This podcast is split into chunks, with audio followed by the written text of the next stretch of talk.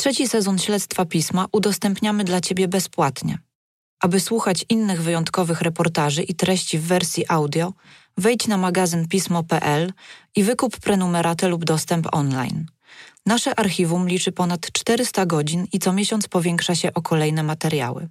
Partnerem strategicznym trzeciego sezonu śledztwa pisma jest Audioteka. W poprzednim odcinku wysyłał osoby trans i niepełnoletnie, i pełnoletnie, i prawdopodobnie też inne homoseksualne i tak dalej z innymi zaburzeniami, e, okłamując swoich pacjentów, że wysyła ich do terapeutów. Temat chodliwy, tak, bo seks. Niszowy, no i uwodzący wykładowca, więc tam był niejako casting na stażystki głównie. Krzysztof G. po kilku sesjach terapeutycznych wyszedł warunkowo na wolność, a tam ponownie zgwałcił kobietę na warszawskiej Pradze.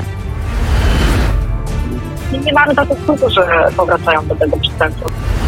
Czy nie ma Pani myśli, czy takie nachodzą o seksie, jak Pani jest na przykład sama? No, myślę, że od może tak trzech miesięcy to nie myślę o tym. Czy zdarzają się Pani sny o treści erotycznej? Zdarzają się.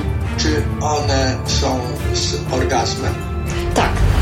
Pan doktor nazywał ją chudą dupką. Mówił do niej 30%, co oznaczało, że ma 30% intelektu. Raz powiedział jej, że jest śmierdzącym gównem. Nigdy nie odniosłam wrażenia, że one są z czegokolwiek niezadowolone. Zdarzało mu się, przechodząc obok powódki, uderzać ją w plecy. Obok Pauli jesteś dla mnie najważniejszą i najcenniejszą asystentką, a poza tym darzę cię ogromną sympatią, czyli lubię cię po prostu. Nie jestem w stanie nic e, powiedzieć e, złego e, na ten temat. Jestem wykończona. I jestem tą złą, bo miałam czelność powiedzieć, że nie będę po kimś sprzątać. Ja nie jestem cyborgiem. Wbrew temu, co pan mówi, ja mam ludzkie wnętrze. Mamy specyficzny sposób komunikacji między sobą, ale sądziłem, że rozumiesz go i akceptujesz. Jeżeli bywało, że czułaś się dotknięta, to bardzo cię przepraszam. Nie mam już siły. Od paru tygodni, jak wstaję, to wszystko mnie boli. Nic mi się nie chce. Ja mam do pana doktora bardzo dużo szacunku. Bardzo bym chciała dla pana dłużej pracować, ale tak się nie da. Jesteś mi potrzebna bardzo.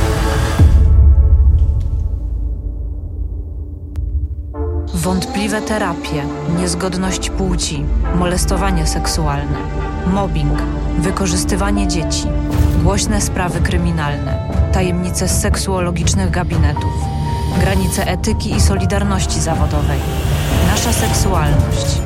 I on, wybitny specjalista, autorytet polskiej seksuologii, dobry czy zły doktor. Nazywam się Iga Dzieciuchowicz, a to jest Śledztwo Pisma. Reporterska historia opowiadana tydzień po tygodniu. Odcinek czwarty. Nietykalny. W trzecim sezonie śledztwa podążam śladami doktora Wiesława, jednego z największych w Polsce autorytetów z dziedziny seksuologii, a równocześnie człowieka, wokół którego od lat mnożą się kontrowersje. Za drzwiami jego gabinetu miało dochodzić do przekraczania granic intymności pacjentek. Bez uprzednio wyrażonej przez nie zgody doktor badał je za pomocą wibratora. Pacjenci transpłciowi opowiadali z kolei o upokarzających sesjach terapeutycznych i skandalicznym traktowaniu, które zamiast łagodzić potęgowało stres. Równocześnie dotarłam do pacjentek i pacjentów, współpracowników i ekspertów, którzy na temat praktyki doktora Wiesława wypowiadali się w samych superlatywach. Wizyta, na którą zapisałam się do doktora jako pacjentka, również przebiegała bez zarzutu. Czekałam na kolejne spotkanie, tym razem już w gabinecie doktora przy ulicy Dolnej w Warszawie. Na początku lat 2000 doktor kierował tutejszą poradnią seksuologiczną. Za jego kadencji działo się wiele rzeczy, które budziły wątpliwości. Doktor dopuszczał niewykwalifikowane stażystki do odbywania samodzielnych spotkań z pacjentami. Nawet w tak skrajnych sytuacjach, jak terapie skazanych za przestępstwa seksualne.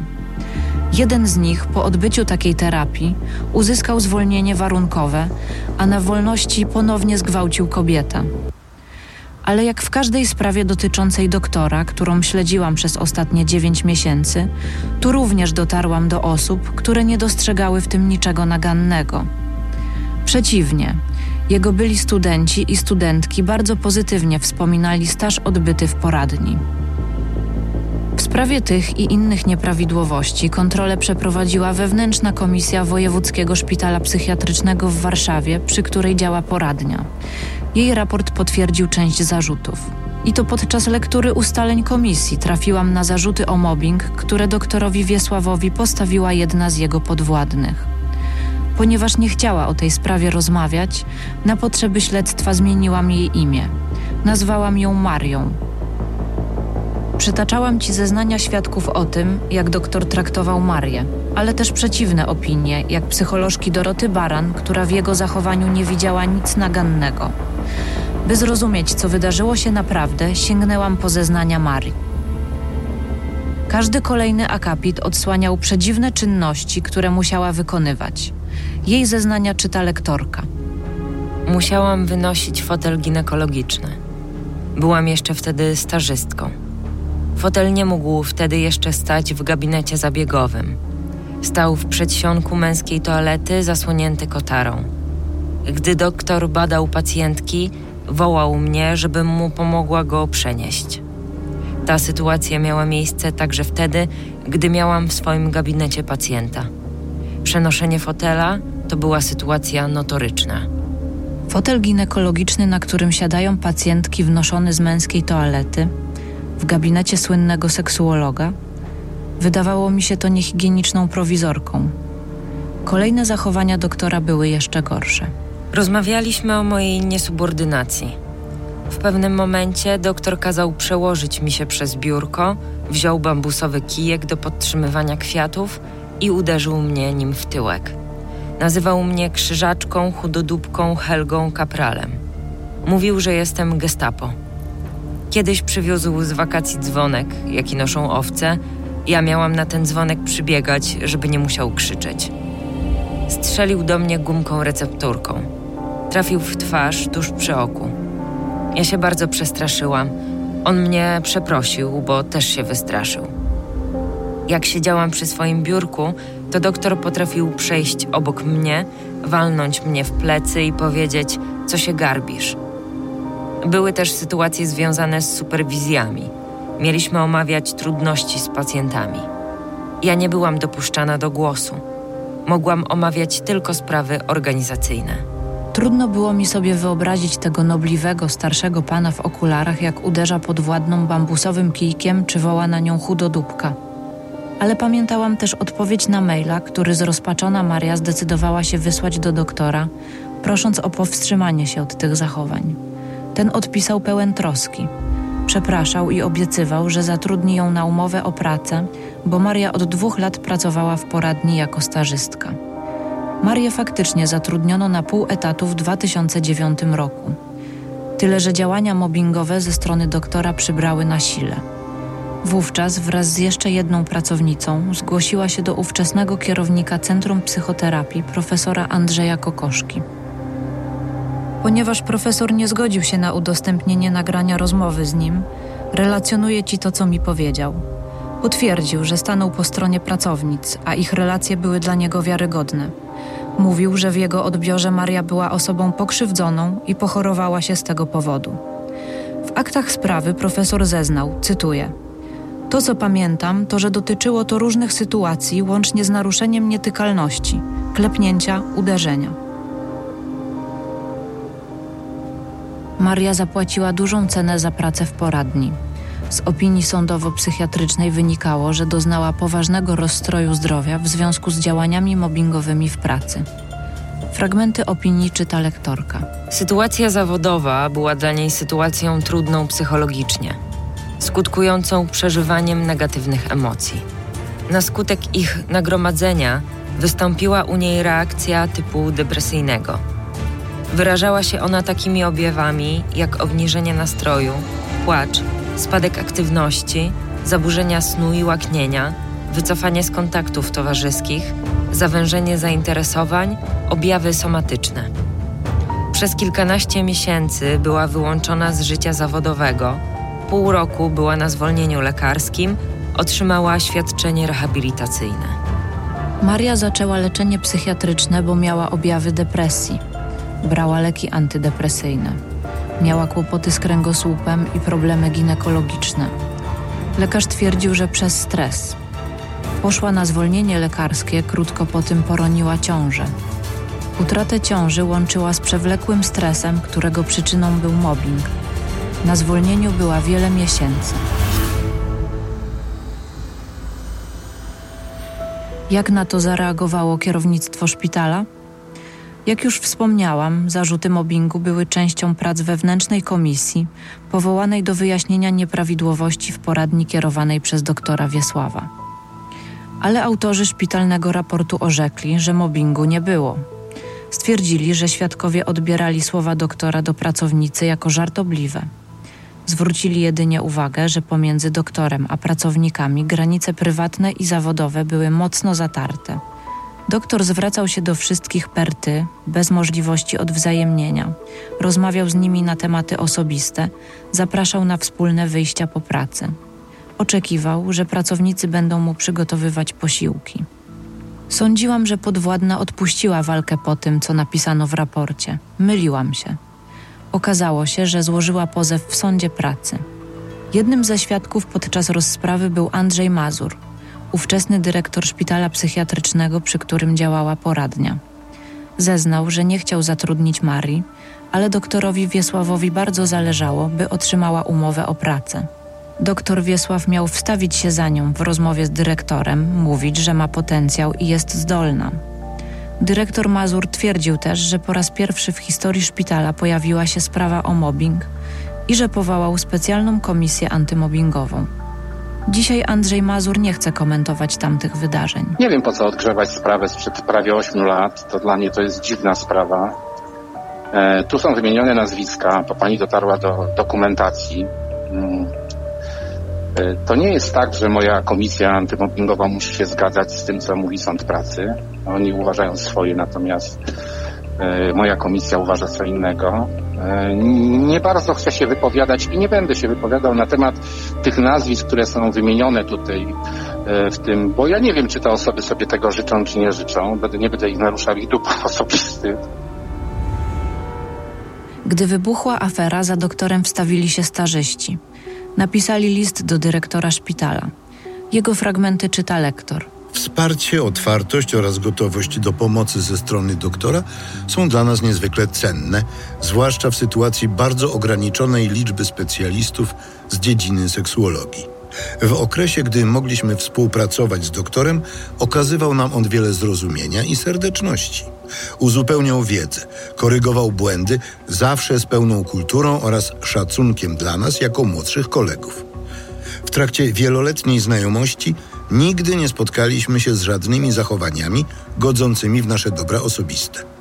W związku z powyższym cała sytuacja budzi nasz jednoznaczny sprzeciw, gdyż uderza w osobę, która odegrała istotną rolę w naszym rozwoju zawodowym. Pod listem podpisało się 15 osób. W poprzednim odcinku opowiadałam Ci, że dla psycholożki Doroty Baran, która była świadkiem wielu sytuacji w poradni, Oskarżenie o zachowania mobbingowe ze strony doktora wobec Marii było szokiem. Jej zdaniem inni starzyści mieli wręcz poczucie, że to ze strony dwóch pracownic brakuje szacunku wobec przełożonego.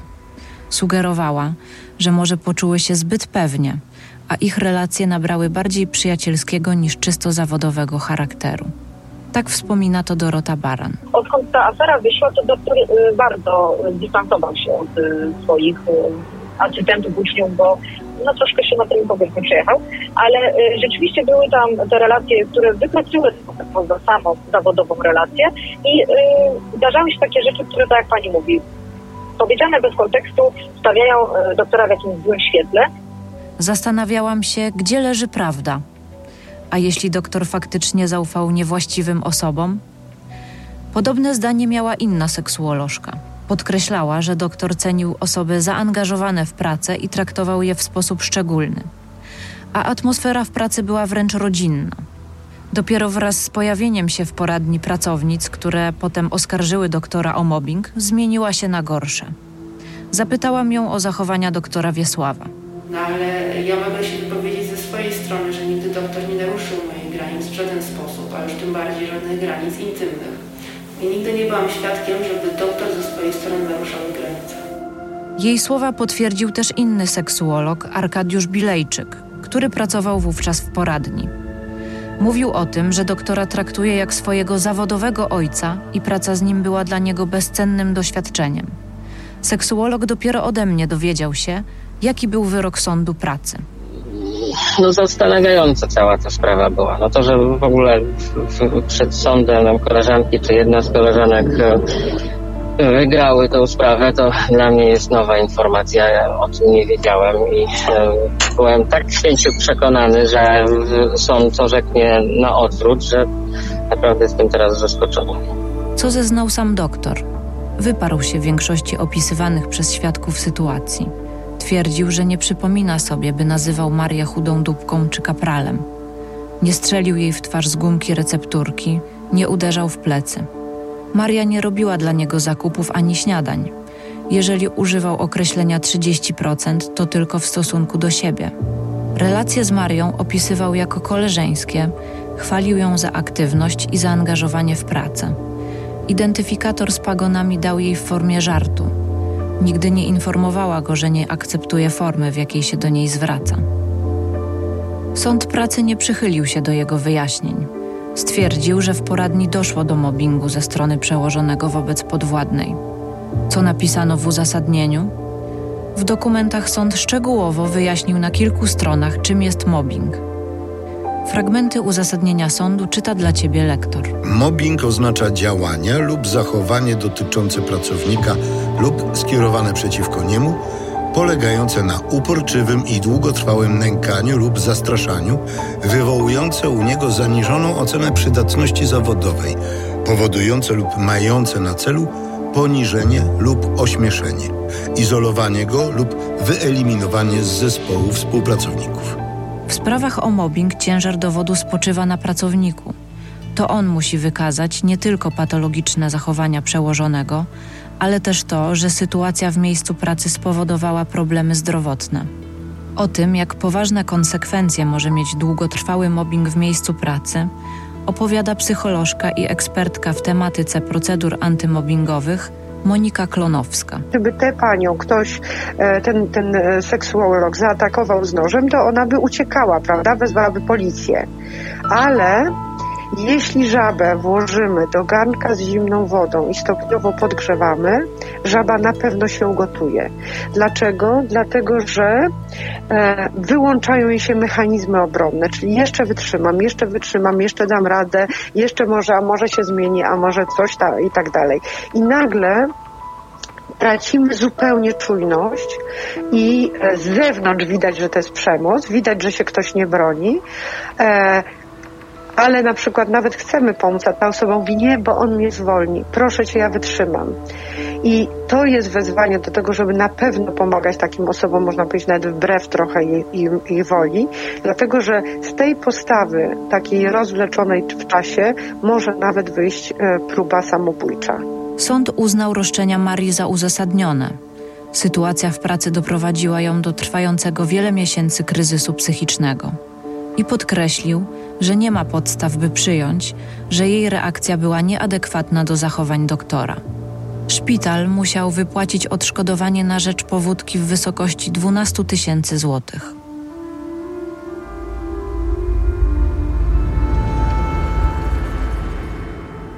Co wydarzyło się po ujawnieniu mobbingu i decyzji sądu?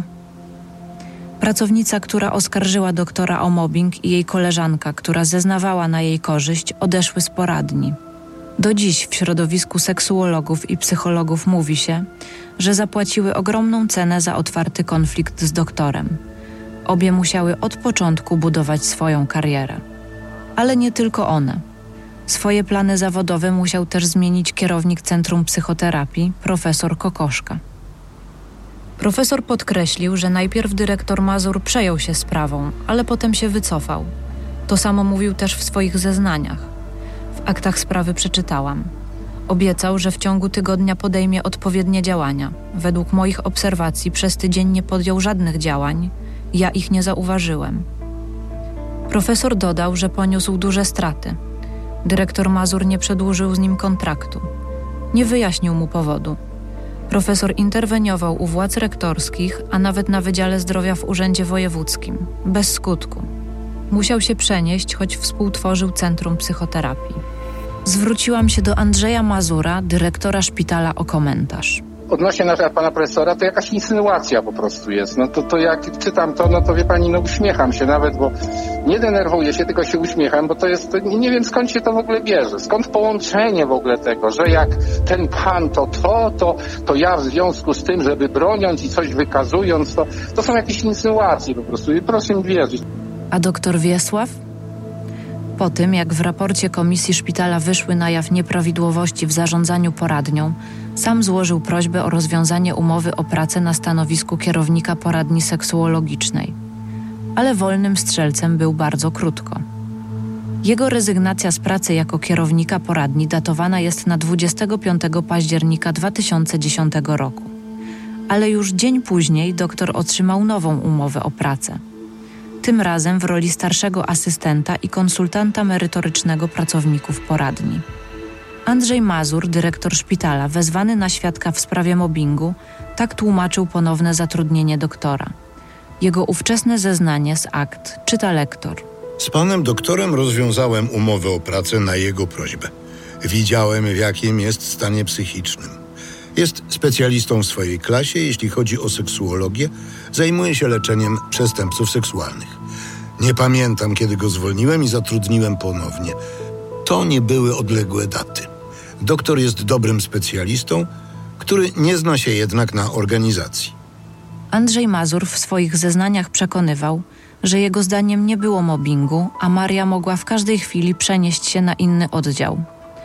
Jednakże nawet po przegranej przez szpital sprawie o mobbing doktor Wiesław pracował nadal, choć już na innym stanowisku.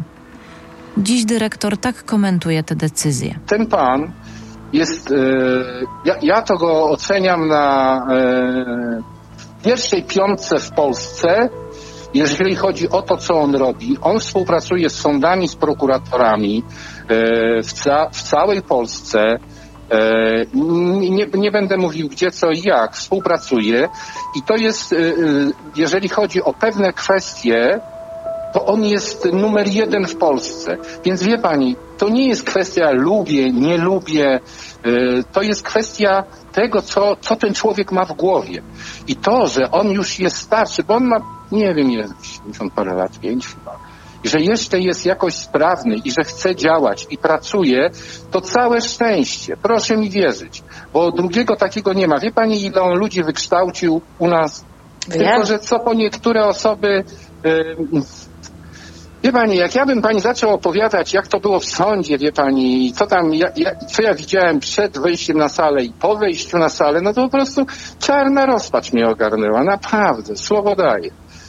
Więc nie, nie, nie, chcę się na ten temat wypowiadać, bo ja mam po prostu też swoje zdanie. Natomiast no nie zrezygnuję z człowieka, który ma bardzo poukładane w głowie i jest jednej z pięciu ludzi w Polsce, czy tam czterech, którzy naprawdę się na tym znają. To, to, to, no jak ja go, no i co, ja go wyrzucę, nie będę z nim współpracować, bo co, przepraszam, no bo była sprawa 7 lat temu.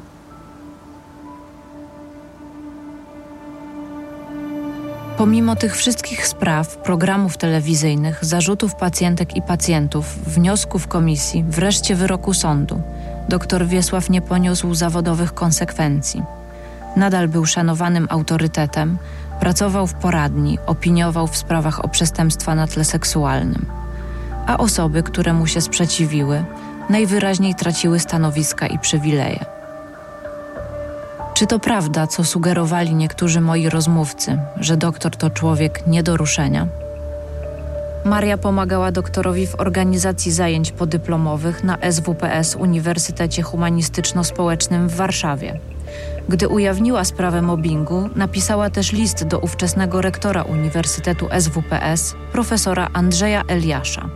Co rektor SWPS-u odpowiedział pracownicy? Zapewnił ją w liście, że po otrzymaniu korespondencji natychmiast rozpoczął postępowanie wyjaśniające. Okazało się jednak, że żaden z podnoszonych przez nią zarzutów nie został w tym postępowaniu potwierdzony.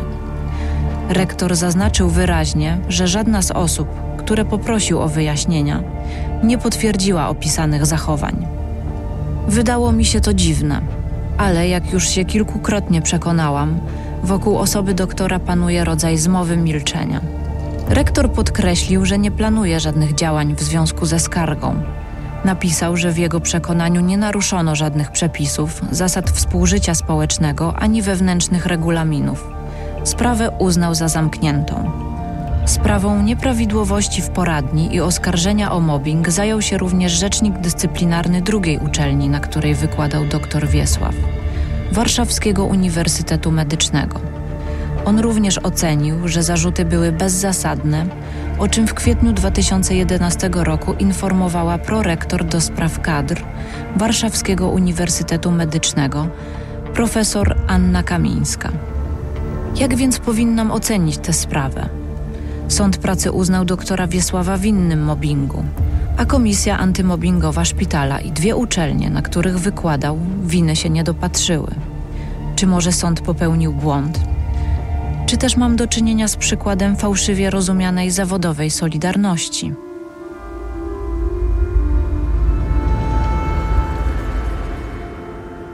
Jedna z pracownic, która w materiale superwizjera opowiedziała o nieprawidłowościach w poradni przy ulicy Dolnej, po emisji odcinka przez pół roku otrzymywała anonimy. W jednych były groźby, inne, prawdopodobnie wysyłane z fikcyjnych kont sfrustrowanych pracowników, zawierały opisy kolejnych nieprawidłowości w poradni. Zaczynały się od słów: Polskie Towarzystwo Seksuologiczne drży. Podobno dziennikarze interesują się jego brudami. Jeżeli to, jak twierdzą pani zasługa, podrzucam kilka informacji. Gratuluję odwagi w TVN. Dzisiaj odbiorczyni tych wiadomości nie chce o nich rozmawiać, ani o czymkolwiek związanym z doktorem Wiesławem. Tymczasem, jak mówią niektórzy moi informatorzy, środowisko zrobiło wiele, by wyciszyć sprawę, choć po programie zgłosiło się więcej kobiet, które opisywały kontrowersyjne praktyki doktora.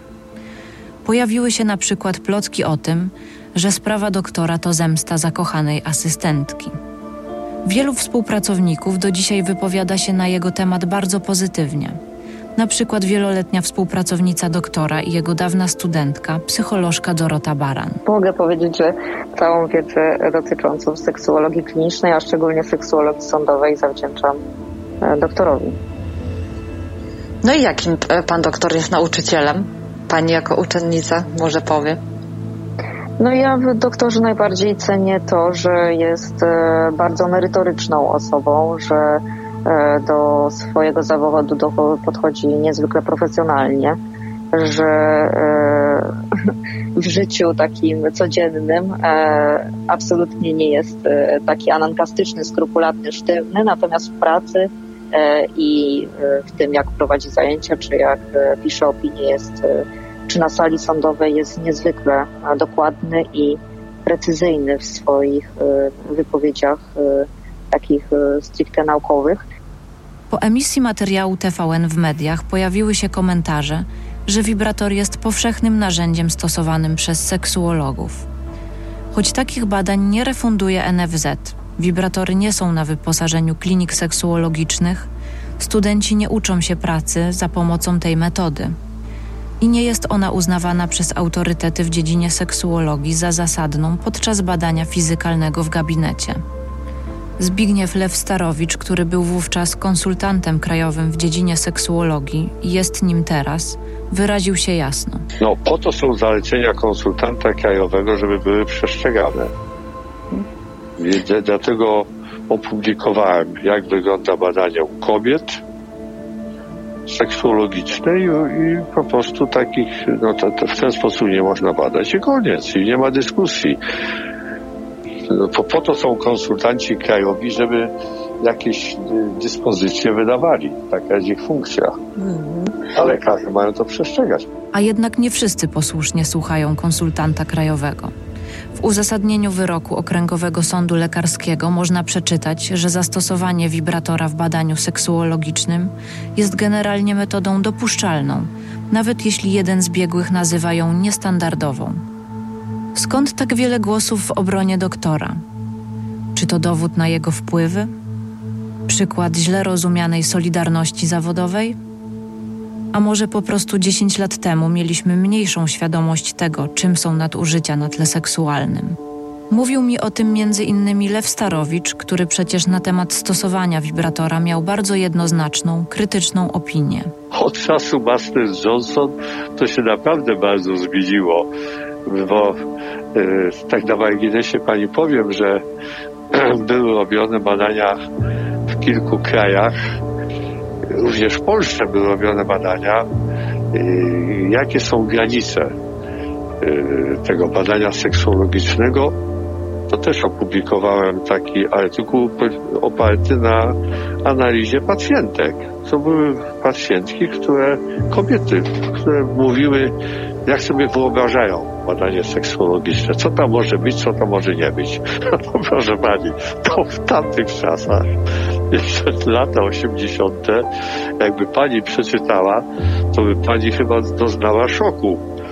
Dlatego, bo kobiety dopuszczały, jako zaznaczam, jako badanie, dopuszczały ręczno, ręczne pobudzanie narządów płciowych, a, a nie stosowanie wibratorów, stymulatorów, dzielników, a nawet bezpośrednie kontakty seksualne. Co prawda to był mały procent, ale w ogóle był. Profesor wyjaśnił mi, dlaczego to wszystko się zmieniło. Kobiety zyskały więcej autonomii. Prostu sądzę, że to jest to, że kobiety na przykład bo to nawet widać, jeśli chodzi o ich reakcję na badanie ginekologiczne, prawda? Przedtem to, no, jak badał, badał lekarz ginekolog, no to poddawały się. Jeżeli on nawet tam dawał jakieś uwagi, yy, jakieś takie komentarze, no to w zasadzie no, prawie nie było reakcji na coś takiego. A teraz, no, jak sobie pozwoli na jakieś takie komentarze, co do wyglądu budowy, to zaraz są skargi, procesy i tak dalej. Kobiety mają tutaj większą autonomię, większe takie poczucie godności, potrzebują pewnego szacunku. Już się skończyły czasy takiego patriarchatu. Ale kiedy zapytałam go o sprawę doktora Wiesława, odpowiedział.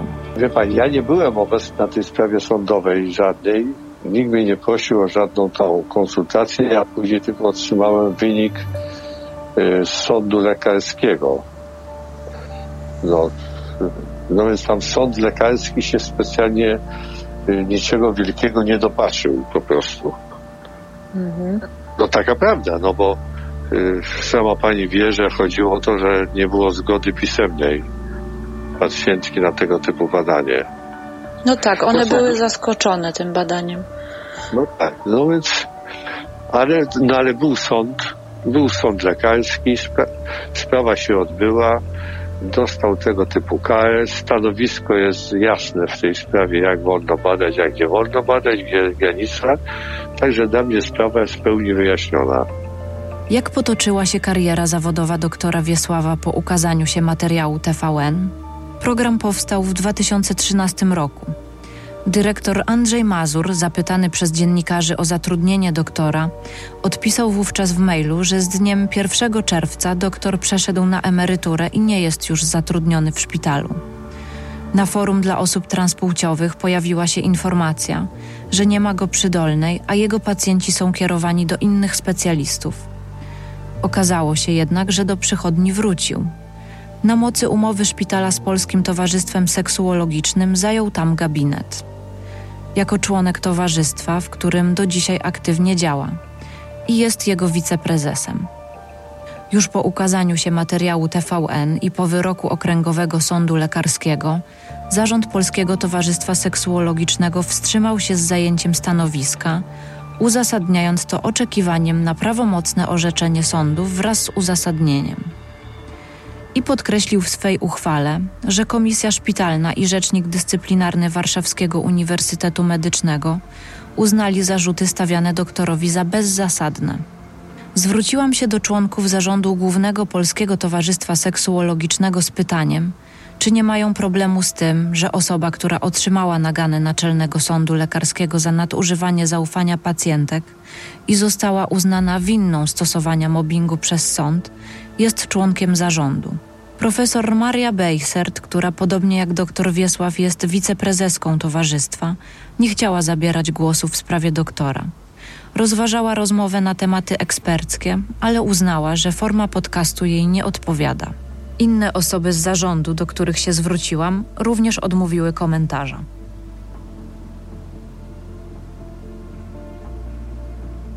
W poradni przy ulicy Dolnej dr Wiesław ma swój gabinet.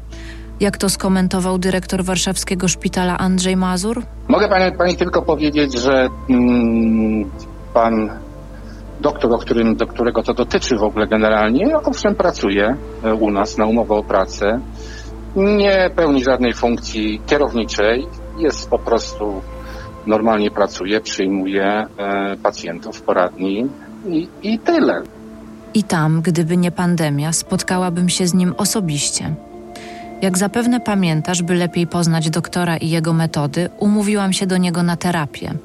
Ponieważ trwała pandemia, moje pierwsze spotkanie było wirtualne. I zrobiło na mnie, o czym już opowiadałam, dobre wrażenie. Ale do następnego nie doszło. Próbowałam umówić się na kolejne wizyty. Dostałam informację, że doktor nie przyjmuje. Jest chory. Pisałam do niego osobiście. Przestał odpowiadać na moje wiadomości, choć wcześniej na nie reagował. Z początku myślałam, że może rzeczywiście zawiesił swoją praktykę. Zadzwoniłam do poradni przydolnej. Okazało się, że doktor jednak przyjmuje. Chciałam więc umówić się na wizytę w gabinecie, wspominając, że przed paroma miesiącami dostarczyłam doktorowi skierowanie. Zaskoczyło mnie to, co usłyszałam od recepcjonistki. Nie mamy w ogóle takiego, nie mamy w ogóle takiego epizodu y, ani pacjenta w systemie. Więc nie wiem, gdzie się pani była, y, była zapisywała, o tak powiem. Wygląda na to, że doktor po prostu nie zapisał mnie u siebie na terapię. Wtedy pomyślałam, że może zorientował się, że zbieram materiały na jego temat i nie chce się spotkać. Zwróciłam się do niego z prośbą o rozmowę. Już nie jako pacjentka, ale jako dziennikarka. Bardzo chciałam poznać jego wersję wydarzeń, ale liczyłam się z tym, że nie będzie chciał rozmawiać.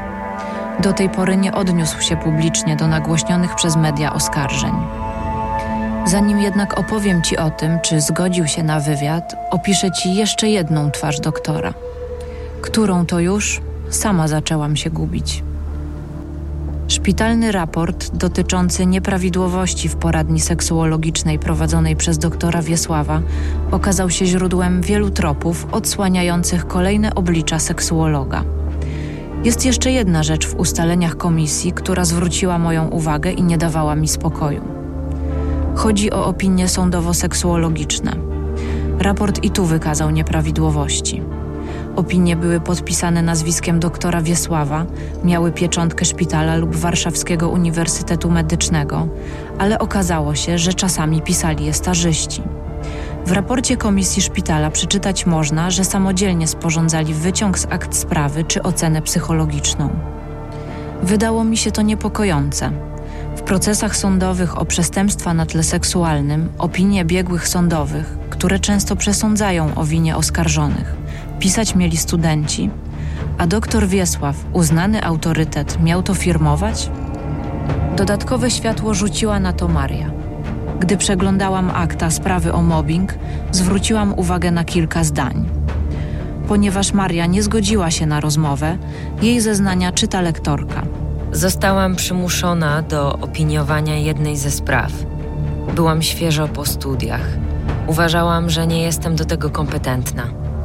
On mnie przymusił do tego, miałam zrobić prezentację z zaburzeń osobowości. To nie było normą. Nie umiałam odpowiadać na jego pytania. On się wtedy naśmiewał. Co ze mnie za psycholog? Nie wiedziałam, w jakiej sprawie Maria pełniła rolę biegłej psycholog. Ale wyglądało na to, że doktor nakłania osobę, która jeszcze nie czuje się pewnie w swojej roli, do opiniowania. Przecież opinie biegłych mają często kluczowy wpływ na przebieg procesu. Mówi o tym adwokat Marek Cegiełka, który specjalizuje się w prawie karnym. Mogę powiedzieć, że z mojej praktyki wynika jednoznacznie, że na pewno opinie, które gdzieś dopuszczane są przez sądy czy organy procesowe na potrzeby postępowania karnego, yy, odnoszą jakieś yy, wymierne, wymierne skutki procesowe. No przede wszystkim gdzieś one kształtują e, tok tego postępowania. E, są w stanie no, decydować o tym, czy w ogóle tak naprawdę pewne twierdzenia, pewne zarzuty wobec sprawcy mają rację bytu, czy nie mają, albo obalają pewne twierdzenia, albo nie.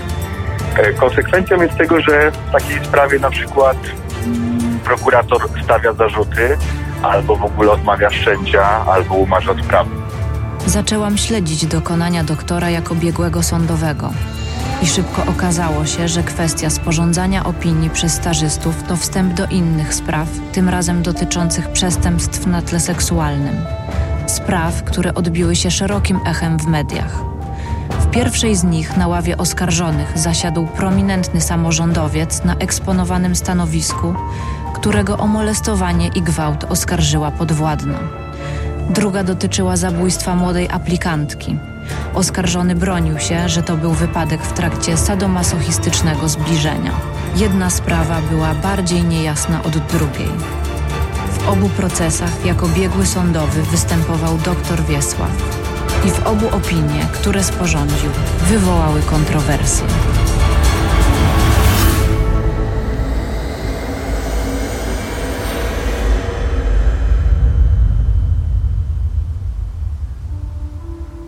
O kolejnej twarzy doktora Wiesława, tym razem jako biegłego sądowego, opowiem Ci w piątym odcinku śledztwa pisma.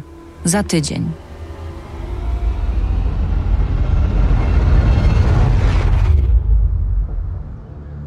Śledztwo Pisma, pierwszy polski reporterski serial podcastowy, wyprodukowała Fundacja Pismo, wydawca miesięcznika Pismo, magazyn opinii i kanału Pismo do Słuchania.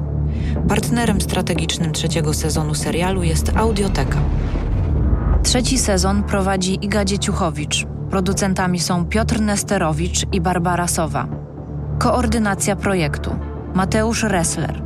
Weryfikacja faktów Marcin Czajkowski. Grafika Dorota Piechocińska. Nagrania rozmówców wstępnie opracował Stanisław Dec. Muzyka Wojtek Wierzba oraz zasoby biblioteki Audio Network. Lektorzy Agata Turkot i Miłogo Stereczek. Realizacja dźwięku Maciej Zych i Wojciech Pątkiewicz. Nagrań dokonano w studiu Osorno.